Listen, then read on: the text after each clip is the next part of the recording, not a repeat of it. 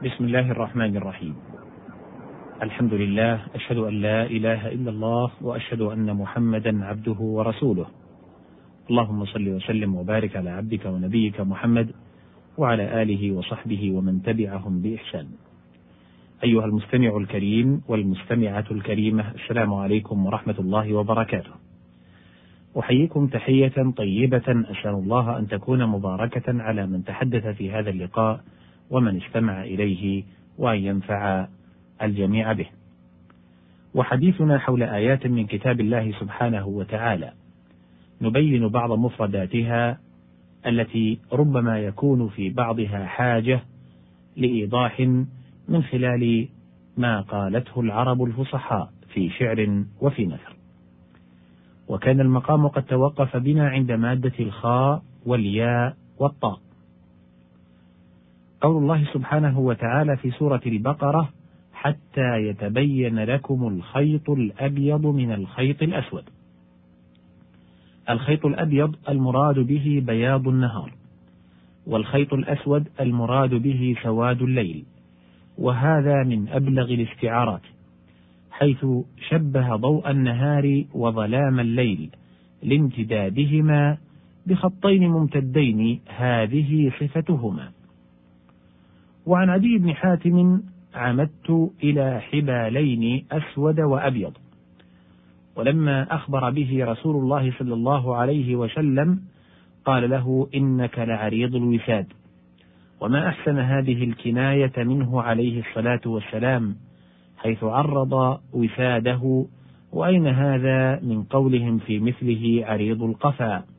قال الشاعر عريض القفا ميزانه في شماله قد انحص من حسب القراريط شاربه.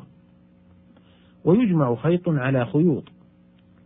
وقوله تعالى حتى يلج الجمل في سم الخياط هو الإبرة.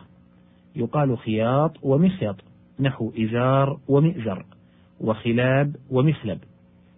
والخياط أيضا الخيط نفسه وفي الأثر أدوا الخياط والمخيط أي الخيط والإبرة. وهذا من أمثلتهم في الأشياء المستبعدة. نحو لا أفعل كذا حتى يبيض القار ويشيب الغراب. وإلا فمعلوم أن الجمل لا يتصور ولوجه في خرم الإبر. الخاء والياء واللام. قوله تعالى في سورة النحل والخيل اسم جمع واحدة فرس. وفرس يقع للذكر والأنثى. فالذكر حصان والأنثى رملة وحجر.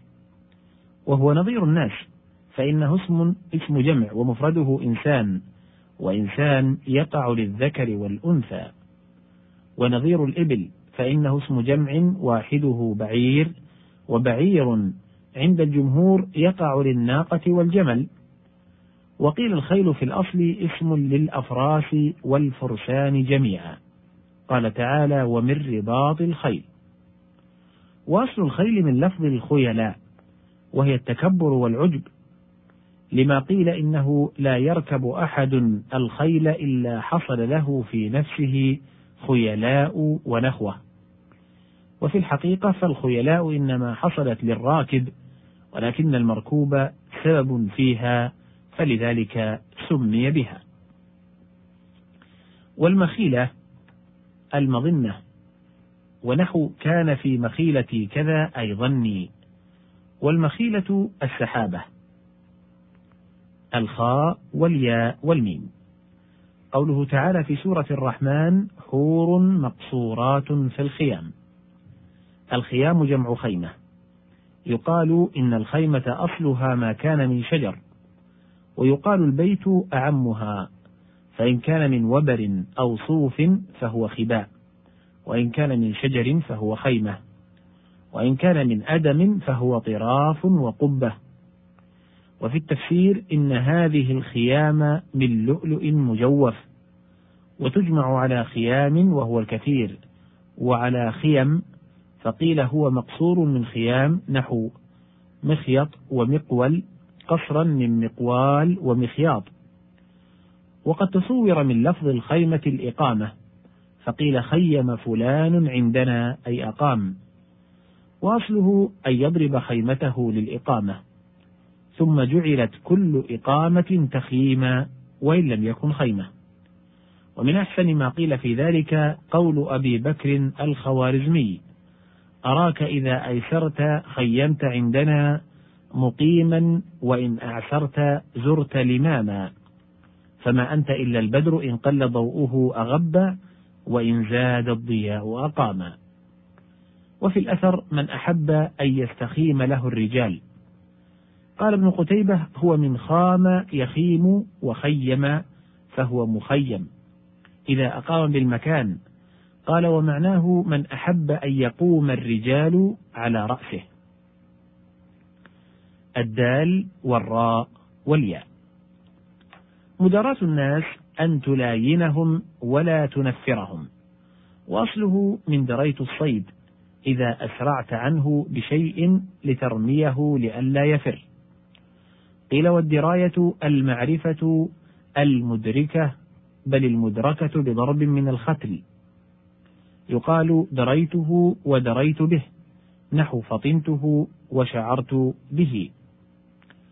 والدرى افتعل من ذلك قال سحيم وماذا يدري الشعراء مني؟ وقد جاوزت حد الأربعين. والدريئة لما يتعلم عليه الطعن.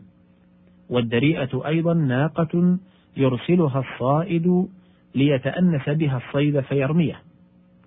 والمدرى لقرن الشاة والثور لما فيه من دفع من يعدو عليهما وقتله. ومنه استعير المدرى لعود تصلح به الماشطة شعر العروس. قال امرؤ القيس غدائره مستشزرات إلى العلا تضل المداري في مثنى ومرسل. والمداري جمع مدرى الدال والسين والراء. قوله تعالى في سورة القمر وحملناه على ذات ألواح ودسر. قيل الدسر المسامير الواحد دسار وقال الراغب دسر يقال دسرت الشيء أي دفعته. وأصل الدسر الدفع الشديد ودسرت المسمار من ذلك. وقال عمرو بن أحمر الباهلي ضربا هذاذيك وطعنا مدسرا. وفي حديث عمر رضي الله عنه فيدسر كما يدسر الجزور. وسئل ابن عباس عن زكاة العنبر فقال شيء دسره البحر. وسأل الحجاج سنانا قاتل الحسين. أنت قتلت الحسين؟ قال نعم هبرته بالسيف هبرا ودسرته بالرمح دسرا. قيل دفعته دفعا عنيفا وقيل سمرته به كما يسمر بالدسار. وقال الحسن الدسر صدر السفينة لأنها تدسر الماء أي تدفعه بصدرها. وقيل هي أضلاعها. وقيل شرطها التي تشد بها كما تشد بالمسامير. وقيل أصلها وطرفاها. وقال الهروي قيل هي خرز السفينة وقيل هي السفن أنفسها وليس بظاهر. الدال والسين والسين.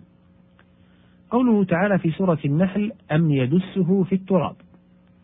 الدس الإدخال في الشيء بنوع من الإكراه ويعبر به عن الإخفاء أيضا. وقيل في المثل ليس الهناء بالدس يقال دس البعير بالهناء. وقوله تعالى وقد خاب من دساها من ذلك والأصل دسسها بمعنى أخفاها عن حظها الوافر وكل شيء أخفيته وقللته فقد دسسته. الدال والعين والعين. قوله تعالى في سورة الماعون فذلك الذي يدع اليتيم أي يدفعه في صدره بعنف والدع الدفع الشديد ومنه أيضا يوم يدعون إلى نار جهنم دعا. هنا ينتهي الحديث في هذه المادة وبه ينتهي الحديث في حلقتنا هذه. على وعد إن أذن الله بذلك بلقاء في حلقة مقبلة.